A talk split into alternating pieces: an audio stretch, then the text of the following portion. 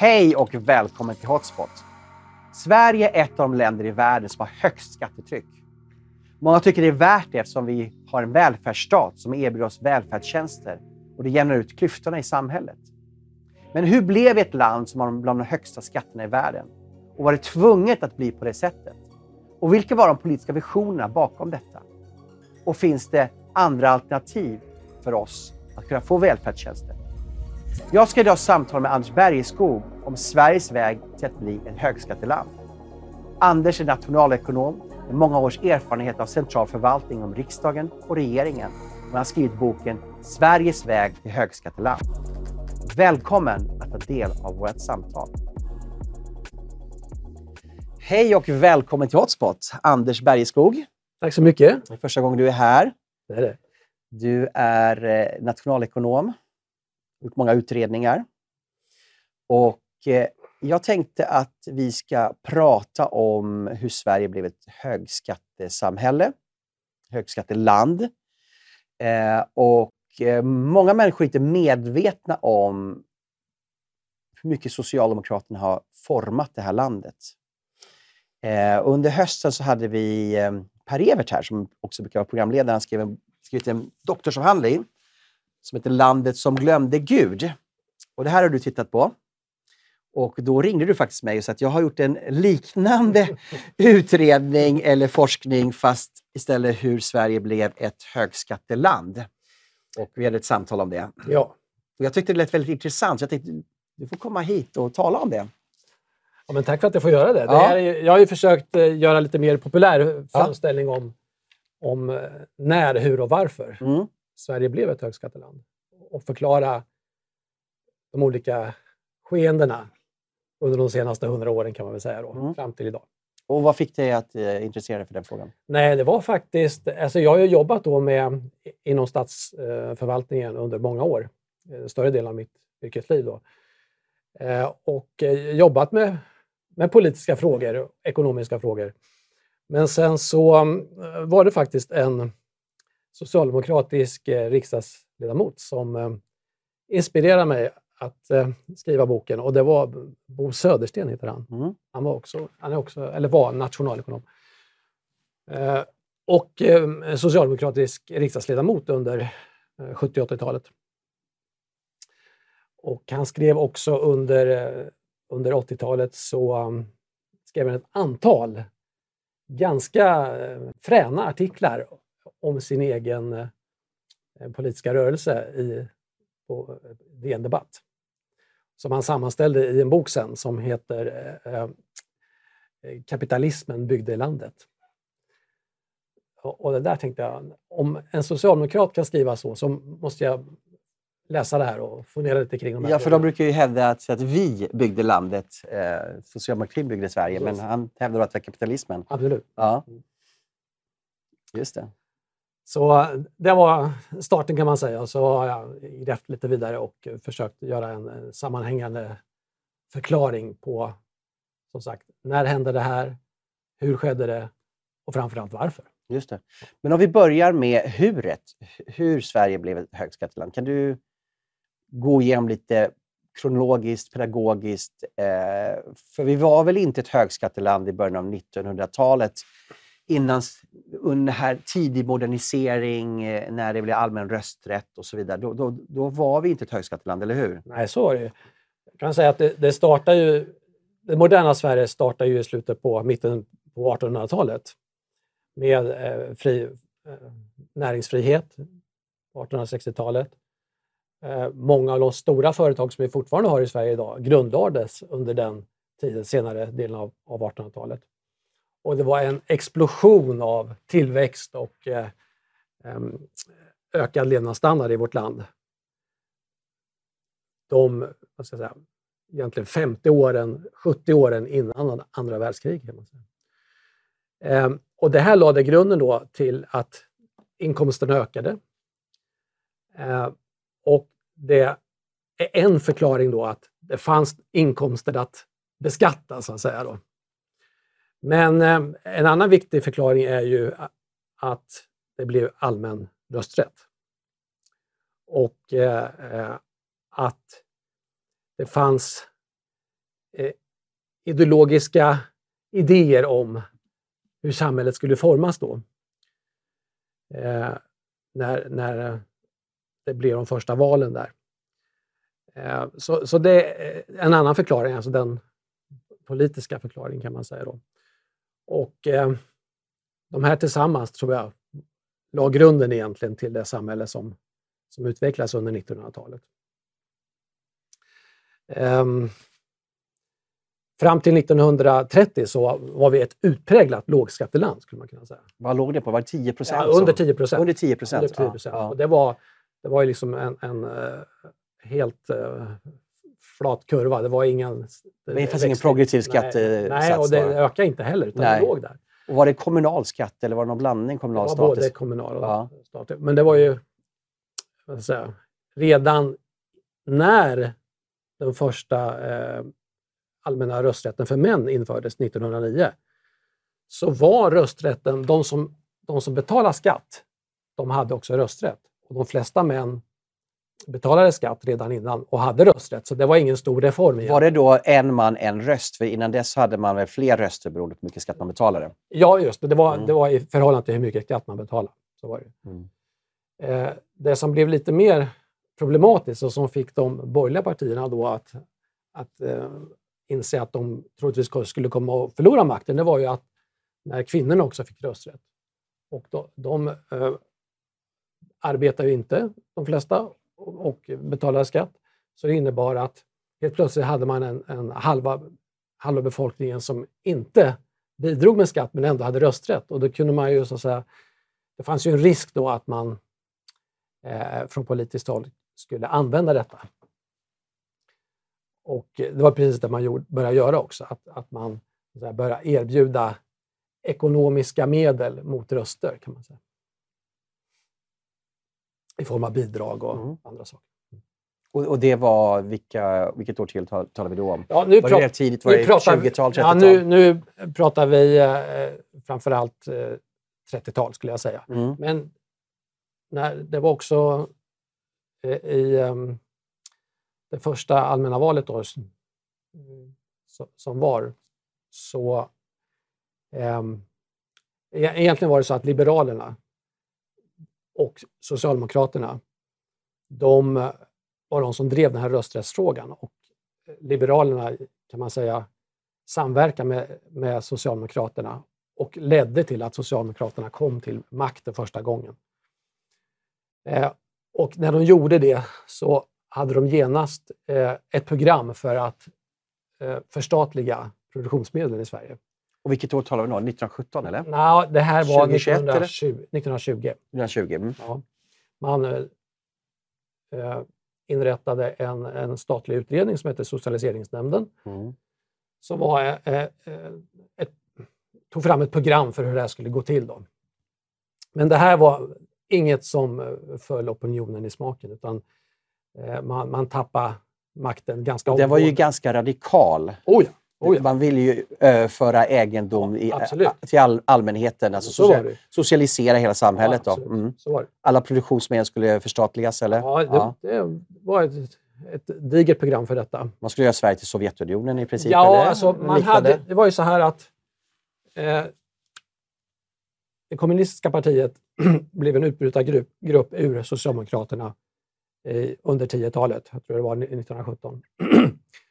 eh, men de har ju, även om man har olika medel så hade man ju samma mål så att säga. Då, att att eh, förstatliga produktionsmedlen och förstatliga ägandet i landet. Eh, sen under 20-talet då när, när man mötte motstånd på det här och det var svårt att få komma tillbaka till makten så samverkade man faktiskt med kommunisterna då för att återta makten. Men det blev Kosackvadet 1928. Kosack, exakt, ja, 1928. Mm. Men det, det lyckades inte heller vinna opinionen på det. Så man var tvungen att hitta en annan väg. Och då fanns det han som var ordförande i den här socialiseringsnämnden, Nils Karleby, kom på eh, idén då att men vi kanske inte behöver förstatliga eh, produktionsmedel. Vi kanske istället ska eh, ta hand om ehm, eh resultatet av produktionen. Det vill säga att vi beskattar eh, produktionen istället för att äga produktionen. Och då, kom ju, det var ju, då var grunden lagd för den här folkhemstanken egentligen. Då, Mm. Att genom beskattning få medel för att, så att säga, göra ett, eh, en ny politisk sektor i landet. Där man kunde, eh, så man kunde bygga upp då välfärdsstaten. Egentligen, kan man säga. Och när du säger ny politisk sektor menar du den offentliga sektorn, när man Offentliga kunde anställa Ja, framförallt då kvinnorna. Ja, Mm. och det, det, den blev ju framförallt verklighet efter andra världskriget kan Mm. man väl säga. Men Mm. även om man kom med olika bidrag för barnfamiljer och, och eh, bostäder och sådana saker. Men grunden läggs på 30-talet. Absolut, man Mm. börjar och då samarbetar man med, eh, med Bondeförbundet, som Centern hette tidigare. Och genom att eh, driva, de fick igenom sina frågor mot att Socialdemokraterna fick igenom olika bidrag och Kohandeln. kohandel där. Mm. Ja. Eh, som gjorde det möjligt då för, för Socialdemokraterna att eh, sitta kvar vid makten och eh, Bondeförbundet var både före och, andra, före och efter andra världskriget med och eh, både regera och stödde med den socialdemokratiska Som regeringen. idag då, igen då. Ja, det, så har det varit nu på senare tid. Ja, Ja. Eh, Men om man tittar på miljön som var då på 30-talet när det här började ske. Det är ju inte bara i Sverige som man då ser statliga inventioner som eh, nyckeln till att eh, höja levnadsstandard och ta itu med ekonomiska problem. Vi har ju en börskrasch i USA 29. Vi har krygkraschen i, i Sverige 32. Ehm, vi har 33 så kommer ju the- New Deal eh, med Roosevelt. Keynesianismen är på, på framfart så att liksom alla är väl inne i den här att staten ska stimulera ekonomin och stimulera efterfrågan. Så att det, är, inte- det är inte unikt för Sverige på något sätt. Nej, det stämmer. Det var det var ju eh, eh, en ny tanke som var, blev högsta mode där in, innan eh, kriget.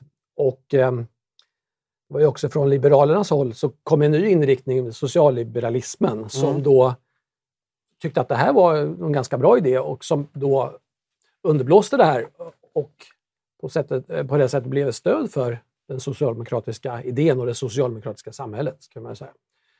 Eh, Så att det bidrog till legitimitet för socialdemokratin och som hjälpte dem att både komma till makten, som vi såg då vid de första valen, och att behålla den senare. Så både höger och vänster var överens då. Ja, alltså man ska och vara- statliga ingrepp. Man ska vara medveten om att Liberalerna, det var vänster då på Ja, den ja, tiden. Just det. Den- Liberalerna kallas ju vänster till exempel i Danmark och andra länder. Mm. Så att, eh, I den bemärkelsen så är, är de inte höger. Mm. Men- Men du har väl något annat också som sker här och det, det är ju paret Myrdal som klev in på scenen. Du, du, Gunnar Myrdal var ju nationalekonom Ja. och eh, företrädde då statliga ingrepp, att låna pengar för att stimulera efterfrågan. Du har ju då Alva Myrdal eh, som skriver boken Kris i befolkningsfrågan 1934 och vi hade ju låga födelsetal.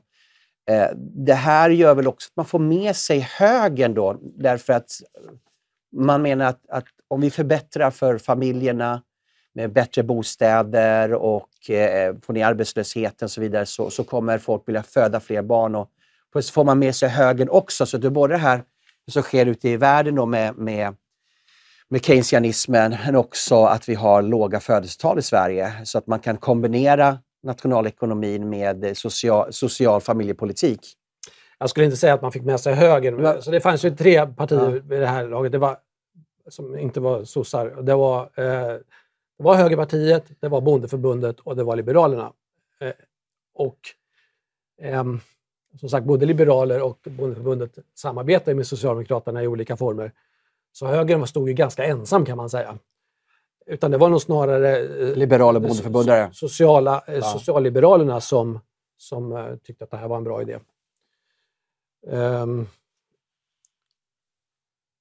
ja, så... ehm, det, efter kriget så kom det ju en, en, ett förslag, den här Myrdalskommissionens utredningar. Eh, och det var ganska, än en gång väldigt långtgående socialistiskt manifest för hur man skulle socialisera. Är, är det här 27-punktsprogram du talar om nu? Eller? Ja, precis. Ja, som kom 44? Ja, precis. Ja. Mm. Eh, och det där, eh, återigen då så blev det ganska stor opinion mot det här, för det, var, det föll inte väl ut hos, hos väljarna helt enkelt, så man höll på att förlora makten där. Eh, men ehm, eh, man lyckas ändå, tack, tack vare ehm, stödet från kommunisterna och, och eh, även Centern, sitta kvar.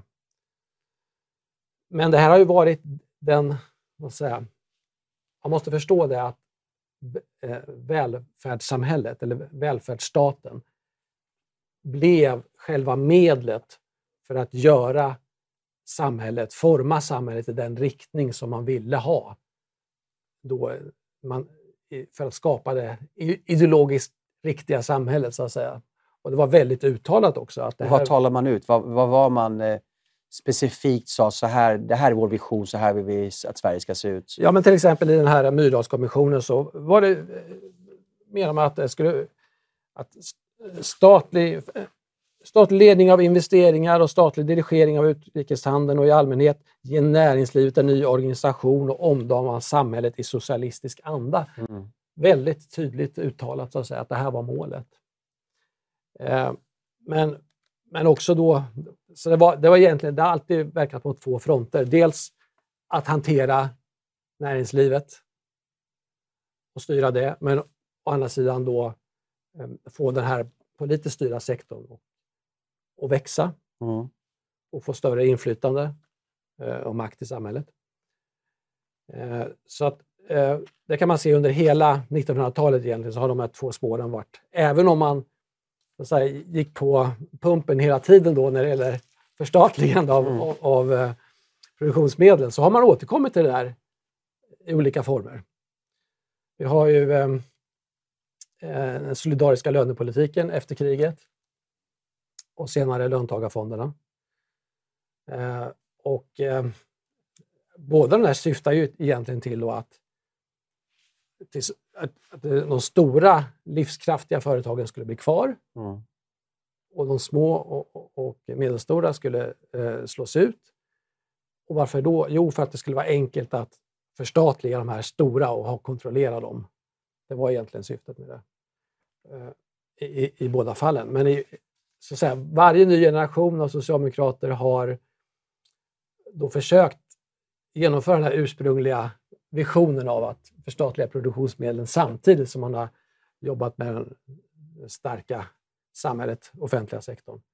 Men eh, jag ska säga, ända fram till slutet på 80-talet då, då man, vad det verkar i alla fall, gav upp den här eh, visionen av att överföra produktionsmedlen i offentlig ägo.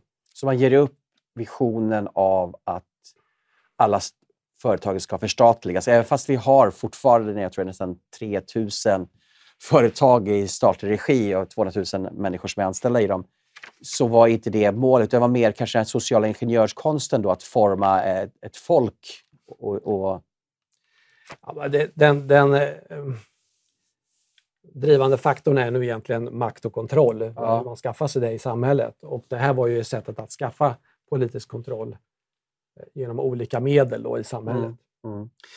My, paret Myrdal har ju haft en väldig påverkan på eh, svensk politik, socialdemokratisk politik. Eh, och just det här att man använder då statliga medel för att i kombination med sociala reformer kan för den profylaktiska eh, socialpolitiken. Eh, jag har ett citat här från Myrdal som jag tycker är ganska intressant som jag skulle kommentera. Den profylaktiska socialpolitiken direkta uppgift är att framskapa ett bättre människomaterial. Ja, jo, men det, det ligger i linje med det jag sa tidigare, att ja. man, vill, man vill skapa en ny sorts människa så att säga, som då överensstämmer med de socialistiska idealen. I, i, i Sovjet hade man ju, eh, vad heter det nu, Sovjeticus... Eh, Homo sovjeticus. Homo sovjeticus, ja, ja precis. Var det liknande tankar då i Sverige eller? Är det att dra för långt att säga det? Nej, men jag, alltså det, det, man ska ju vara medveten om att det låg också i tiden det här med ja att så att säga rasbiologi och de här uh, sakerna. Så att, Den moderna människan som skulle vara så Ja. perfekt som möjligt. jo, Ja. och det skulle vara rationellt och det skulle vara... Det, det var liksom... Eh, det skulle kunna gå att styra på något sätt. Modernismens syn på människan helt Ja, enkelt. det kan man ju Ja, säga. Mm, Ja. mm, Mm. Men om vi tittar på då rent praktiskt, hur, hur ser de här olika då, eh, skattepolitiken ut? Och vad, vad, vad, vilka steg går man i när man då höjer skatterna och blir ett högskattesamhälle? Ja, för det första så höjde man ju in, inkomstskatterna och de blev mer progressiva så att ju mer man hade inkomst desto mer skatt betalar man. Eh, men sen kom man ju till en gräns där det, det här blev ju, det skapar ju också opinion så att säga. Att, att det blev så synligt det, det man gjorde så att eh, man kom till en gräns där att det gick liksom inte att höja de här mer. Och då var man tvungen att... Och när, vad talar vi då om? Vilket Nej, årtionde? under 50-talet kan man 50-talet, säga. ja. Efter, efterkrigstiden. Mm. Ehm, och, och då gäller det ju återigen att vara kreativ här. Då. Hur, hur kan vi då fortsätta höja skatterna utan att det syns? Och då inrättar man nya skatter på arbete. Det finns ju två faktorer som man kan beskatta. Det är arbete och det är kapital. Och det är framförallt eh, arbete som man, man eh, eh beskattar här. Då. Eh, I början på 60-talet så införde man arbetsgivaravgifter som var, blev då ett sätt att göra en indirekt skatt på arbete och även då eh, konsumtionsskatter, det vill säga först hette det OMS och nu idag heter det moms. Man, man eh, skjuter upp skatten och man får betala den när man köper något istället. Men om, vi tar det här med arbetsgivaravgiften. Det Mm. låter ju som en avgift för arbetsgivaren, att det är en Mm. skatt för arbetsgivaren. Ja, det, det- precis, det är så det låter och det är väl Ja. så man gärna vill få det att framstå. Men det var så att säga, det enda sättet att göra de här, öka skatterna på arbete, men inte göra det så att folk skulle, det skulle vara så ögonfallande. 1947 så eh, gjorde man en reform där inte längre eh, inkomstskatten skulle betalas av inkomsttagaren utan av arbetsgivaren. Källskatten. Källskattereformen. Mm. Det vill säga man skilde på skattesubjekt och skatteobjekt. Skattesubjektet är den som betalar in och skatteobjektet är den som drabbas av skatten. Och på det här sättet då så, så eh, banar man vägen för att fortsätta att låta de som inte drabbas av skatten betala in den. Och på det sättet blir det ju osynligt för den som drabbas av den. Ja, man tänker ju bara på, jag tjänar 40 000 Ja, och så betalar jag min kommunala skatt och möjligtvis också statliga skatt. Så att det det. här är den skatt jag betalar, det är tänker det man som ju. du ser på ditt eh, lön. Ja, ja, det är, ja, precis. Mm. Det är det man reagerar på emotionellt. Så är det. Mm. Eh, Men då ska man tänka på att en, en, eh, om vi tar ett hushåll med två genomsnittliga arbetarlöner så är det, ser de bara en tredjedel av den skatten som de betalar på sitt arbete. Bara en tredjedel som är synlig då genom inkomstskatten. Och två tredjedelar är då den indirekta skatten på arbete, arbetsgivaravgifter och moms. Så eh, största delen ser man ju inte och, och däremot där inte heller har möjlighet att reagera på det. Och på det sättet blir det inte systemet transparent. Och det är kanske en av huvudpunkterna i min bok här. Att eh, en grundläggande förutsättning för en fungerande de- eh, demokrati är att människor förstår vad det är som sker och vad som händer. Och att det finns en transparens i systemet. Men här är det helt uppenbart så att det, det inte gör det. Just det. Eh, Och hur stort, om vi tar idag då, Mm, ja. 2023, eh, hur, stort, hur högt är det totala skattetrycket då? För att vi har ju en kommunalskatt som kan variera från Ja, cirkus 33 procent ner till vad kan det vara, 27-28 kanske? man brukar göra någon genomsnittlig där, då, genomsnittlig kommunalskattesats. Ja. Men eh, det ligger någonstans, eh, jag vet inte exakta siffran nu, men eh, den har legat egentligen på en, en, eh, en platå sedan slutet på 70-talet. Mm. Runt 45 procent. Ibland lite under, ibland lite över. Så att vi, vi, jag skulle säga att vi ligger kvar på den här platån, även om det är någon procentenhet Men en Mindre menar, än 45. det som man tittar på är att vi är uppe i 55 procent om man tittar på alla punktskatterna också. Eh, då är i, i den där Bränsleskatt, eh, Ja. elskatt, då är moms på... Ja. alla totala skatt, alla, om vi tar samlar alla skatter, Mm. intäkter och sen sätter det i förhållande till BNP. Det är det man brukar kalla för skattetrycket. Och det ligger ungefär ja, någonstans på 43 procent eller något sånt där idag. Mm. Just det. Eh, men om vi tittar nu om det här, du, vi talar om hur, du har talat om hur, hur skatterna då höjdes med inkomstskatterna höjs, säljskatt, konsumtionsskatten kommer, det är, liksom, det är ju huret. Eh, men om vi tar nu varför som du har varit inne på också. Mm. Mm. Och det sker ju någonting på 30-40-talet också. Och det är ju att man bygger upp folkhemmet. Det här, man talar om det starka samhället. Eh, Per Albin Hansson talar om att eh, folkhemmet har inga eh, styvbarn. Alltså all, alla ska ha det bra, alla ska ha Mm. bostad, Mm. ingen ska liksom leva i fattighus och så vidare. Det här är ju väldigt lockande, lockande retorik och det är också ett samhälle som många faktiskt skriver upp sig på. Absolut. Så är det ju. Vem, vem liksom, men det är återigen, det, ehm, det finns ju ett, ett eh, de- demokratiskt dilemma här och vi Mm. kanske kommer in på det senare. Men, men just det där att, att eh, dels att eh, det inte finns någon gräns egentligen på det politiska inflytandet i samhället. Så det är, I grundlagen så är det i princip obegränsat. Och även det här med, med skatteuppbörden, att det finns ingen liksom, gräns i grundlagen för hur mycket skatt man kan ta ut. Eller vad politiken ska, eh, säga, inom vilka ramar politiken ska hålla sig inom. Och det här är ju liksom eh, öppna dörrar för att ta för sig, så att säga. Kan man finansiera sina idéer så ger ju det en, en, en mer makt då i samhället om man kan göra det.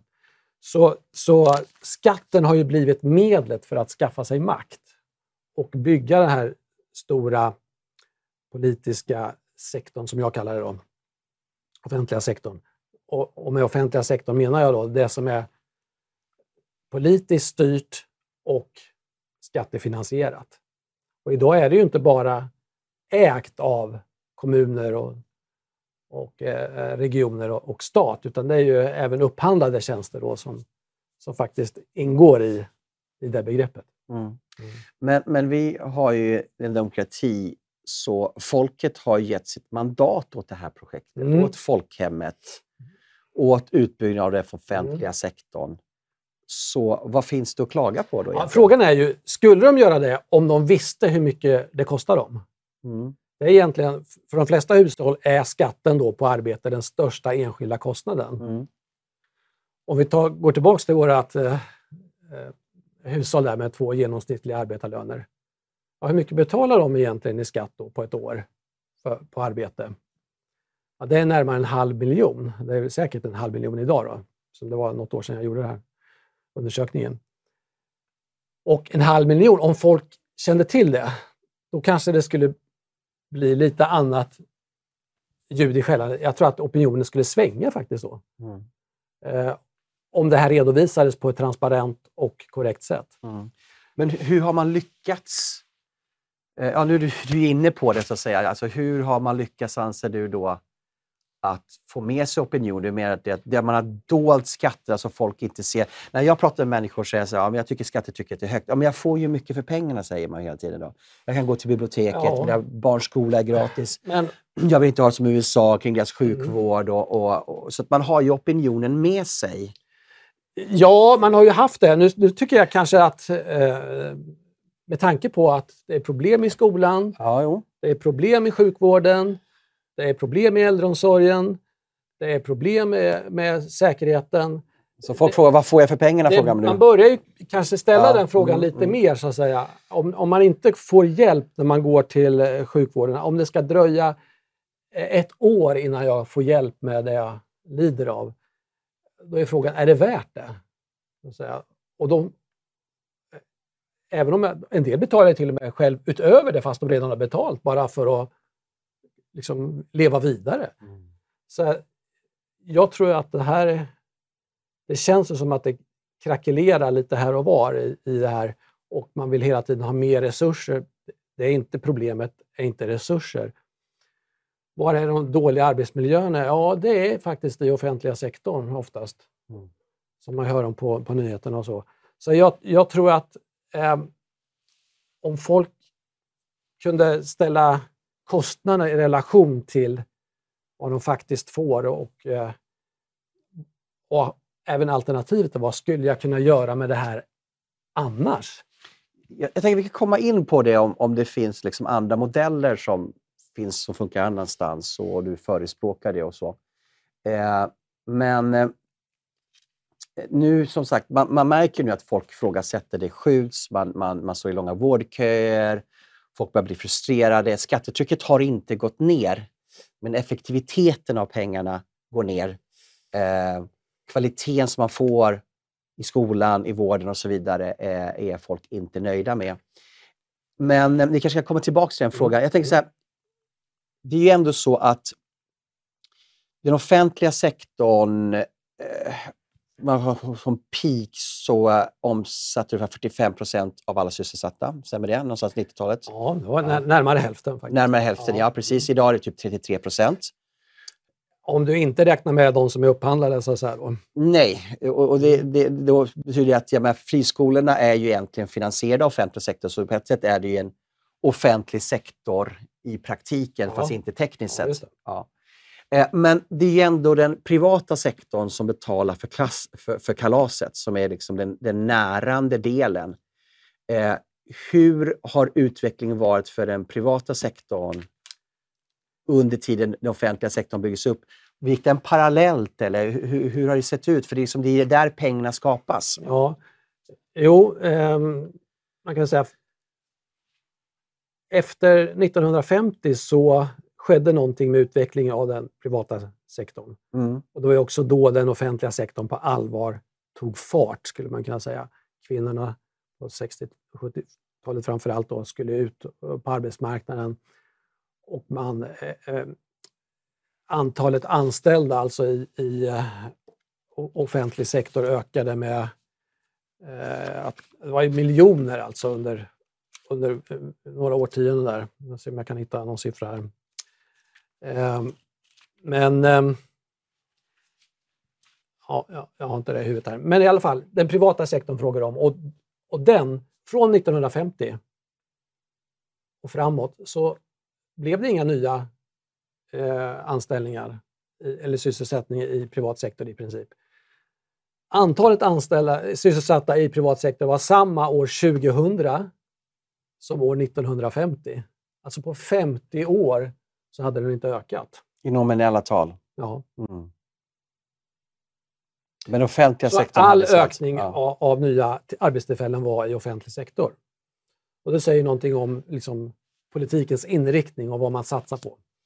Och på det så hade vi en befolkningsökning också? Ja, ja. Oh ja. Mm. Oh ja.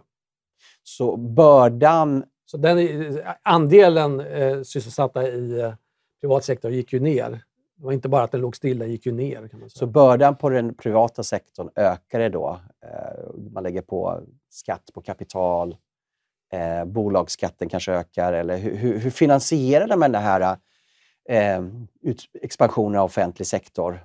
Plus bidragen på det. Ja, eh, men det är som jag sa, det, det handlar ju om eh, skatter på arbete och sen skatter på kapital då, som har med företagen att göra. Men skatten på arbete i offentlig sektorn, det är ju bara rundgång. Ja, det är rundgång. Ja. Absolut. Det, det, det, blir ju ett sätt att minska kostnader, så att säga, egentligen. Då. Eh, men eh, eh, vi har ju haft en stark eh, exportindustri i Sverige och det är mycket den som har satt, så att säga. Den har blivit mer lönsam då, då kanske, eller? Lönsam. De har tvingats effektivisera skulle jag säga. De har tvingats att, att eh, jobba smartare för att kunna konkurrera på världsmarknaden. Men jag menar att de måste ju pytsa in mer pengar för den här svällande offentliga sektorn. Även det som går runt minskar kanske kostnaderna så måste Ja, jag ändå... skulle säga att det kanske Eller snarare var så här. lånar vi, lånade vi mer pengar, fick en större statsskuld eller hur finansierade vi det här? Mm. Eh, som jag sa från början, så i, i och med att det skapades högre välstånd Ja. med, med högre eh, tillväxt i ekonomin så kom det ju in mer pengar i ekonomin och då kunde man beskatta det. Och sen har man ju bara ökat de här skattedelarna så att man har ju liksom byggt upp det successivt. Eh, så att visst stämmer det att pengarna kommer från början från den privata sektorn, det gör det ju, men sen har det ju, så att säga, det är ett system som har rullats på under många årtionden som gör att, att eh, det, det, det är svårt att säga att det bara kommer från, från privata sektorn, även om det gör det egentligen. Kakan växte rent allmänt Ja. för den allmänna Ja, levnadsstandarden också. ökade i efterkrigstiden över hela världen, då, inklusive Sverige. Så är det ju. men jämfört med andra länder så har, har vi ju halkat efter från framförallt under 70, 80, 90-talet skulle jag säga då. Så både jämfört med andra OECD-länder och jä- jämfört med USA så blev vår levnadsstandard relativt sett sämre. Och tittar man på 50 åren efter andra världskriget och jämför med 50 åren före andra världskriget så är ut, utvecklingen faktiskt sämre efter andra världskriget än före andra världskriget. Trots att vår industripark var intakt Ja, ja, och deras andra, eh, de andra ländernas industripark Ja. var sönderbombad. Och det är också så att högre skatter leder, och du var inne på det med, med investeringar, för det är Eh, innovationer, investeringar som driver ekonomin då, som gör att det blir inkomster i ekonomin. Och eh, forskningen visar då, om man tittar på internationellt, hur skatter verkar då på en ekonomi. Så finns det eh, tydliga bevis då på att om man ökar skattetrycket med 10 procentenheter så minskar tillväxten med mellan en halv och en procentenhet. Det är väl Magnus Henriksson som har tagit fram Ja, precis. Han var ju här Ja, precis. förra veckan. Och, Ja, Okej. ja, mm. Så det här, eh, om vi då, när vi börjar den här resan så att säga, Mm. var vi på 10 procent och sen landar vi på en platå på 45 procent så är det ju en skillnad på 35 procentenheter som, som har ökat skattetrycket. Och det skulle med det här resonemanget kunna betyda att man har ökat eller eh, minskat eh, tillväxten med mellan 2 och 3 procentenheter per år under en lång tid. Och det här är liksom ackumulerade effekter då på ekonomin som gjort att vi har fått en sämre levnadsstandard än vad vi annars skulle kunna haft. Och då kanske man, många jämför ju då kronan mot den schweiziska frangen eller löneutvecklingen i Schweiz. För vi låg väl ganska lika efter andra världskriget, Sverige och Ja, Schweiz. det, är- det är ett sätt att göra det på Ja. naturligtvis. Eh, Så det, om, man, om man räknar in valutan då blir det vad man får för pengar jämfört med andra Ja. länder. Och då är vi ju... Men det är en indikator för den Ja, ja. ekonomiska utvecklingen. Ja, för den, ju. den speglar ju ändå förtroendet för ekonomin, styrkan i ekonomin. Eh, och konkurrenskraften jämfört med andra Ja. länder. Eh, Så i, i den bemärkelsen har vi halkat efter väldigt mycket sådana som vi tidigare var jämbördiga med eller, eller till och med bättre än. Men jag har ju alltid liksom fått sig berättat att ja, men, hemligheten till den svenska ekonomiska utvecklingen, det var ju att våra fabriker var intakta efter andra världskriget. Och det var ju välfärdsstater därför att eh, pengarna fördelades så att fler kunde konsumera, fler kunde köpa. Jag tror att det var om det var Ernst Wigforss som sa det, att, att folk köper inte nya kläder, radioapparater och så vidare för de är fattiga, så vi ska stimulera ekonomin så att de köper mer och att via den här inkomstfördelningen så får du fler konsumenter och Mm. på så sätt så stimulerar du ekonomin. Ja, men En del av ke- keynesianska Ja, ja, ja. tänkandet och så vidare. Eh, eh, vad, vad säger du om det då? Jo, men det, fun- det funkar ju kortsiktigt, det gör det ju. mm, Absolut. Men eh, frågan är långsiktigt vilken ekonomi man vill ha. Och kan man bygga en ekonomi långsiktigt på det sättet? Och det visar sig att det, är inte, det gör man inte. Utan det, det ledde ju också till eh, stora problem under 70 och 80-talet. Eh, Vi hade inflationsspiraler. Som, man visste inte hur man skulle eh, hejda det där och det la- landade ju också i en krasch då på 90-talet. Eh, så eh, jag skulle säga att det finns ju belägg för att ju mer politiken blandar sig i ekonomin, desto mer eh, volatil kan den bli. Alltså den, den, den blir oförutsägbar. Och det blir svårt också för investerare att veta vilke, vad det är man gör när man investerar i vårt land när man inte vet vart politiken kommer att styra ekonomin framöver. Mm, just det. Det intressanta, är lite kuriosa, det är att 1974 så fick ju Gunnar Myrdal Nobels, Nobelpriset i ekonomi för hans syn på konjunkturcyklar. Han var ju med och formade väldigt mycket den svenska modellen så att säga. Och samma år fick ju också eh, Friedrich Hayek Nobelpris i ekonomi. Ja. Eh, de fick ju delat Nobelpris och han menar ju då tvärtom mot Gunnar och menar att, att när staten stimulerar ekonomin så kommer det skapa hög och lågkonjunkturer därför att, därför att det finns ingen efterfrågan i marknaden ja, för de här produkterna och att planekonomin inte, inte funkar. Ja. Nej, men det är väl eh, eh, en av grund, grundorsakerna till varför man inte ska blanda in politiken i, i ekonomin. Det är att politiken kan aldrig tillgodose medborgarnas behov genom att bestämma vad som ska produceras mm. eller vad man ska satsa på. Det finns många så här politiska satsningar och det hör man från alla partier, så det, det är inte bara Socialdemokraterna, absolut inte. Utan det, Idag så är det lite svårt att urskilja skulle jag säga, vad, om man är höger eller vänster i, och, och, och, jämfört med tidigare. Ehm, så om man ska skapa en effektiv ekonomi, då måste man skapa det utifrån människornas verkliga behov och efterfrågan. Ehm, och, För det är det enda som kommer hålla i längden? Ja, det är det. Och det mm. alltså, risken är ju annars att man kommer producera sånt som egentligen inte efterfrågas. Mm. Och man lägger pengar på sånt som ingen kommer att köpa. Och Det är också ett, ett, test man kan göra. Om, om du skulle betala för det här själv, låt oss säga då, jag tar exemplet igen med, med den här eh, vården, du, skulle, du behöver ha hjälp i, i sjukvården, men, men det, du får stå i en kö i först tre månader, sen ett halvår, sen eh, några månader till och sen... Alltså, det är ju inte det du vill betala pengar för. Du vill ju betala pengar för att få det här gjort nu. Eh, och om, istället eh, utbud och efterfrågan fick styra även på den här välfärdsmarknaden, så att säga, då skulle det inte finnas de här köerna överhuvudtaget. skulle människor få hjälp.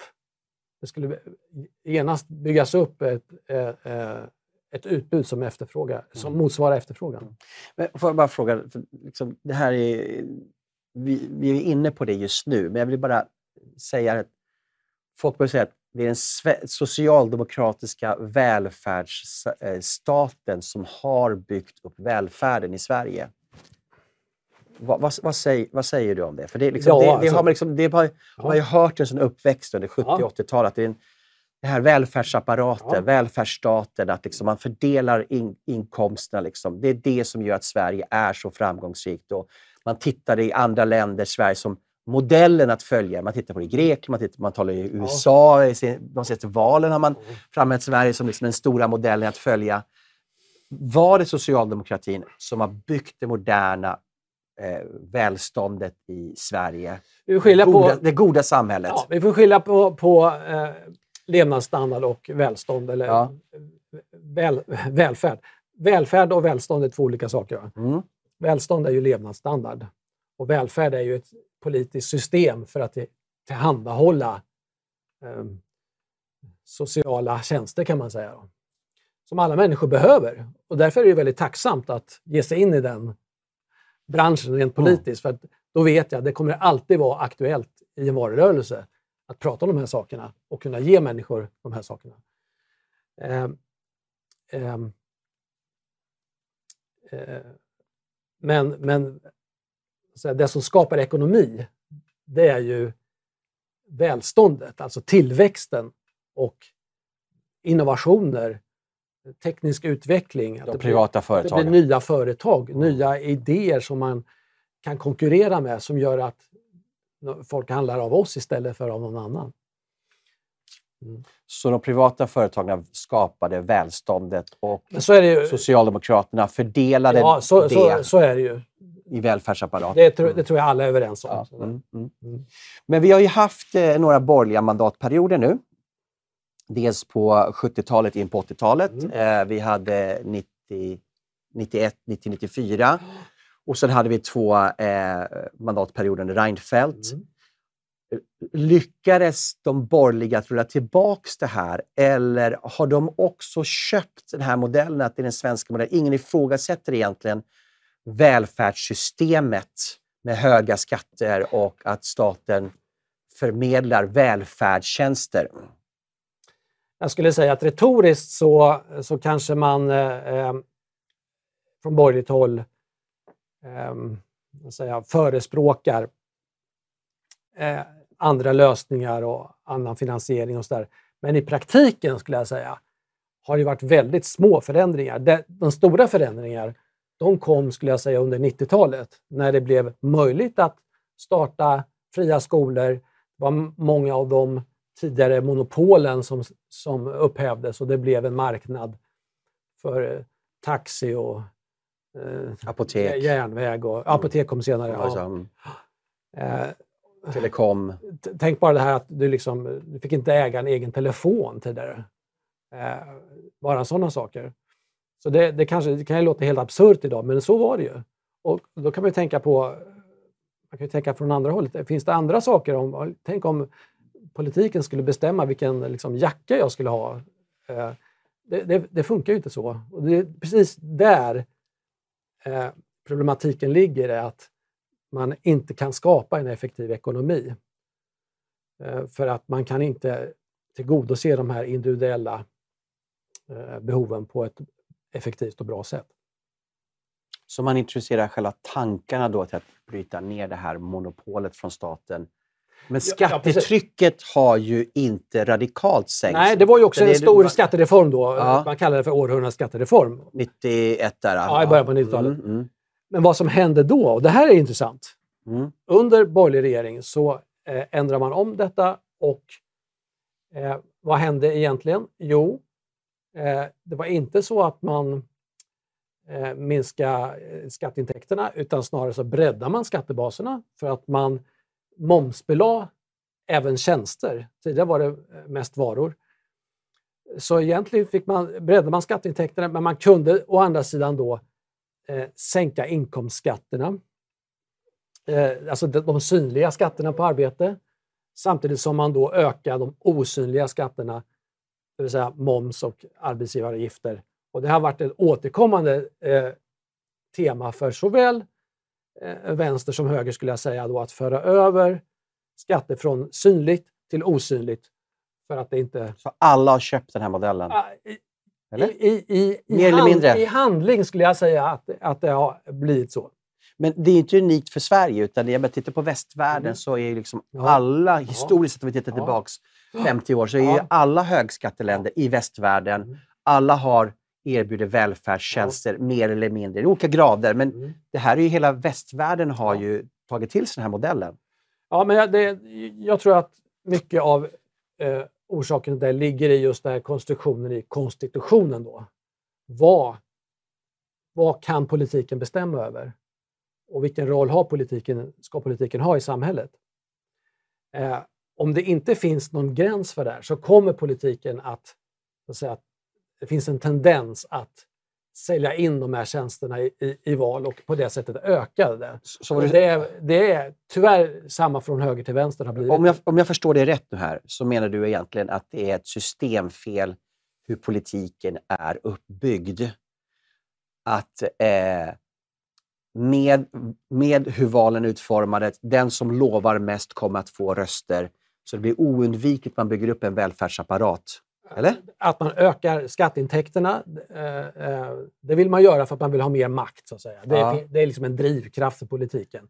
Det är väldigt få som säger att vi, vi vill lämna tillbaka makten här nu och, och lämna, låta pengarna vara. Ni får tillbaka det och ni, ni ger tillbaka makten till medborgarna. Jag har inte hört något sånt i något val. Alltså att politiken har flera områden att styra över ja. och forma. Ja. ja. Men, men, det här är ju då, eh, vi nämnde tidigare, och det, det, starka samhället. Det starka samhället är väl egentligen det politiskt starka samhället. Ja, ja. Men det finns ju ett starkt samhälle där civilsamhället är starkt. Mm. Eh, hur sätter du de här emot varandra? Alltså civilsamhället, alltså familjens autonomi. Vi har haft kyrkan som en väldigt liksom, stark faktor. Inte bara liksom så på över tanken utan också socialt. Mm. Eh, vi har haft ett starkt folkrörelse-Sverige med idrottsföreningar, eh, nykterhetsrörelser, alltså föreningsliv Ja. Mm. som har egentligen varit autonomt. De har finansierat sig själva, men i och med 70-talet så börjar man ju då också finansiera det, dessutom detta med skattemedel. Så att offentlig sektor är ju inte bara nu välfärdstjänsten, utan det är till och med den civila, civila samhället är också finansierat med offentliga Ja. medel och har också på något sätt nästan som en matrix ätits upp av, av liksom den starka staten. Hur, vad, vad, vad tänker du för här? För här liksom, det här är en liten demokratifråga i det här också. Är det, absolut. Eh, nej, men det är ju, jag skulle säga att det ligger helt i linje med syftet, eh, politikens syfte. Så att säga. Man, man ville ersätta, eh, man ville att, att samhället skulle bli beroende av politiken. Det är liksom eh, ett, ett, både medel och mål nästan. Va? Att, att eh, göra människor beroende av politiken efterfråga mer politik på det sättet. Och det var ju så den här solidariska lönepolitiken eh, fungerar. Jag, tycker det var, jag ska dra det lite. Dra den snabbt. Ja. Vilka var det? Rein, Rein, Meiner och... Eh, vilka var det som formar det nu? Ehm, eh, ja. Ja. Men, Ja. ja. Mm. Och då, det, det är en, eh, en mekanism där då, som är ganska raffinerad. Så här att Mm. Om man höjer lönerna, Mm. man, man propagerar för höga löner, ja, då kommer det vara så att, att eh, det kommer leda till rationaliseringar, folk blir av med jobbet, Mm. eh, företag med, som eh, inte har råd kommer att läggas ner. Mm. Ja, och det i sin tur kommer leda till att man upplever otrygghet. För man har inte en inkomst, man har inte en anställning. Och det kommer leda till att man eh, eh, är beredd att acceptera statliga ingripanden på arbetsmarknaden. Man efterfrågar stöd på arbetsmarknaden. Och då är det lätt att vinna eh, opinionens stöd om man då driver som parti effektiv, långtgående statsingripande på arbetsmarknaden. Och då är, har det varit Socialdemokraterna som har stått för det och då har det bidragit till att bevara deras, att de får och eh, blir kvar i regeringsställning. Det varit en, en, en mekanism så här, och det är så politiken fungerar i mångt och mycket. Va? Man skapar ett problem och därmed ett beroende Ja. och sen säger man att det är Ja. vi som är lösningen. Ja, precis. Ja, mm, mm. Just det. Men vad skulle du vilja se? Har du några alternativa modeller till det här? Vad, vad skulle vi kunna se istället för kan man rulla tillbaka? Det skulle ta väldigt lång tid att rulla tillbaka. För att I slutändan handlar det om skattetrycket. Jag har tänkt mycket på civilsamhället till exempel. Eh, så vill säga att kyrkan, till exempel frikyrkorna eller hjälporganisationer och så vidare, idag är väldigt beroende av eh, SIDA-bidrag för när man jobbar utomlands, man är beroende av föreningsbidrag. Därför att skattetrycket är så högt. När du då har betalat i snitt då kring 50 procent och du ska betala dina räkningar och, och mat och resor och alltihopa. Du har inte så mycket kvar till att finansiera civilsamhället. Så att du har skapat en låsning här också. Du har liksom boxat in ett helt Mm. samhälle.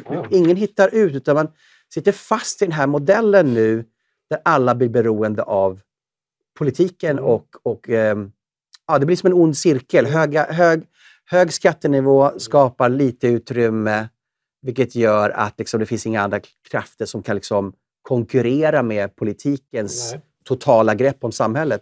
Nej, så är det ju. Alltså, man, vad som hände innan, det finns ju fortfarande så att säga, vi har sjukhus som tillkom eh, genom eh, privata stiftelser och, och eh, många eh, ideella organisationer har startat eh, det som egentligen var grunden för den svenska välfärden tidigare. Mm. Det, fanns ett behov och, och det skapades också. Eh, man mötte det behovet genom att skapa det och man, man investerar i det här från olika håll. Och jag, jag tror att eh, om, det, om vi inte skulle ha den här politiskt styrda välfärden så skulle det komma tillbaks den här eh, civila sektorn på det sättet. Det, det tror jag absolut.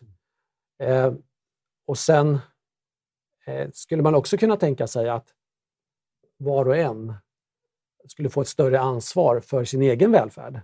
Så att de pengar som man idag betalar till pol politikerna, de skulle man också kunna få styra över själv och själv bestämma uh, vart man vill.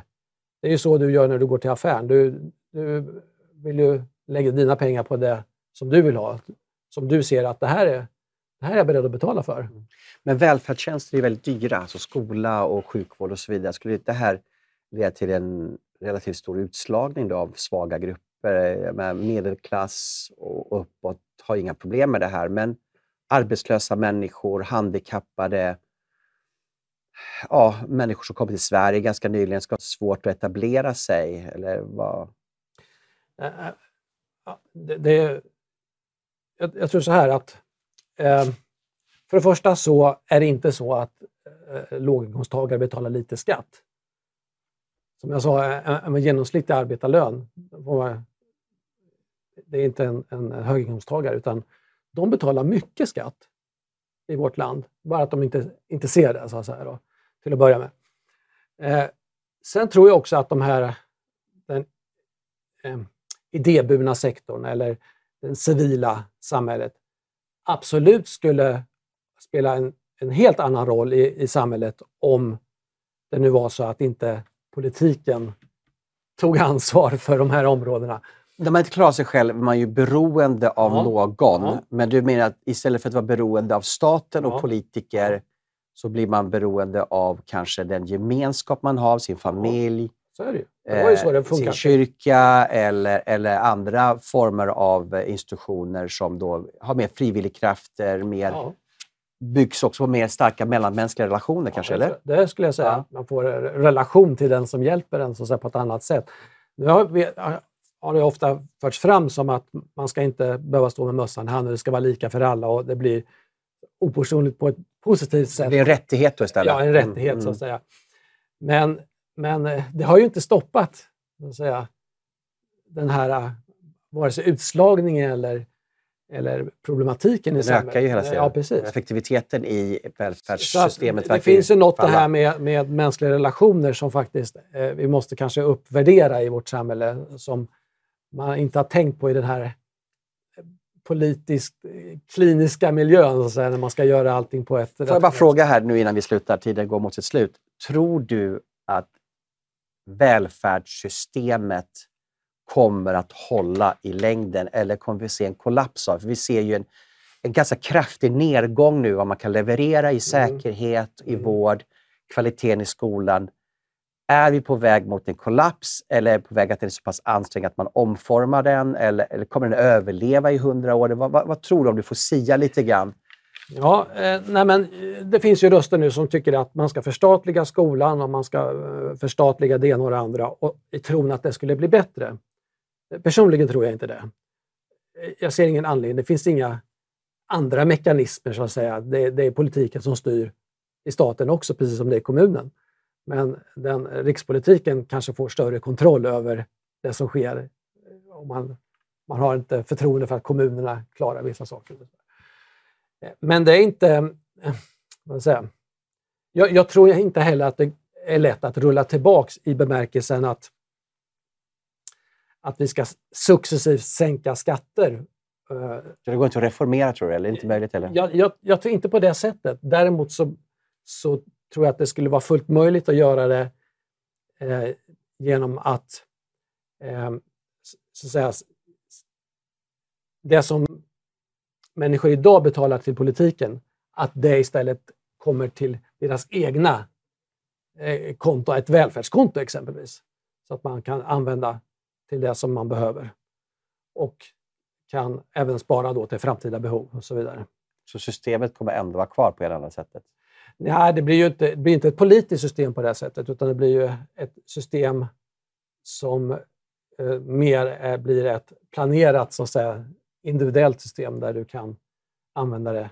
Och vad är för skillnad då att egentligen betala in till en försäkring Ja, försäkringar, det är ju, många länder har ju löst det så att man mm. har en, en, en sjukförsäkring. Och det, det kan ju vara bra i, alltså när det gäller eh, vissa ovanliga tillstånd som eh, kan uppstå. Det kan kosta miljoner. Mm.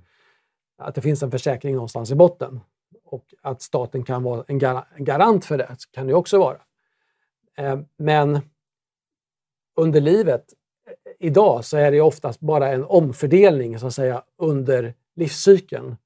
Att man, man behöver eh, har olika behov under olika delar av, av livscykeln. Och då skulle du kunna hantera det här själv också. Mm. Tack så jättemycket Anders. Eh, jag tror att det här väcker tankar till nya diskussioner och eh, jag tycker det här är underdiskuterat. Man tar det här för givet från alla håll, att vi ska ha den här höga skattenivån och eh, ha de här välfärdstjänsterna. Men vi kanske är på väg med nya tankar nu i och med att vi ser att det inte riktigt möter behoven som vi har. Tack så jättemycket Anders. Tack ska du ha. Och tack du som har lyssnat idag. Och välkommen tillbaka nästa vecka till nya program.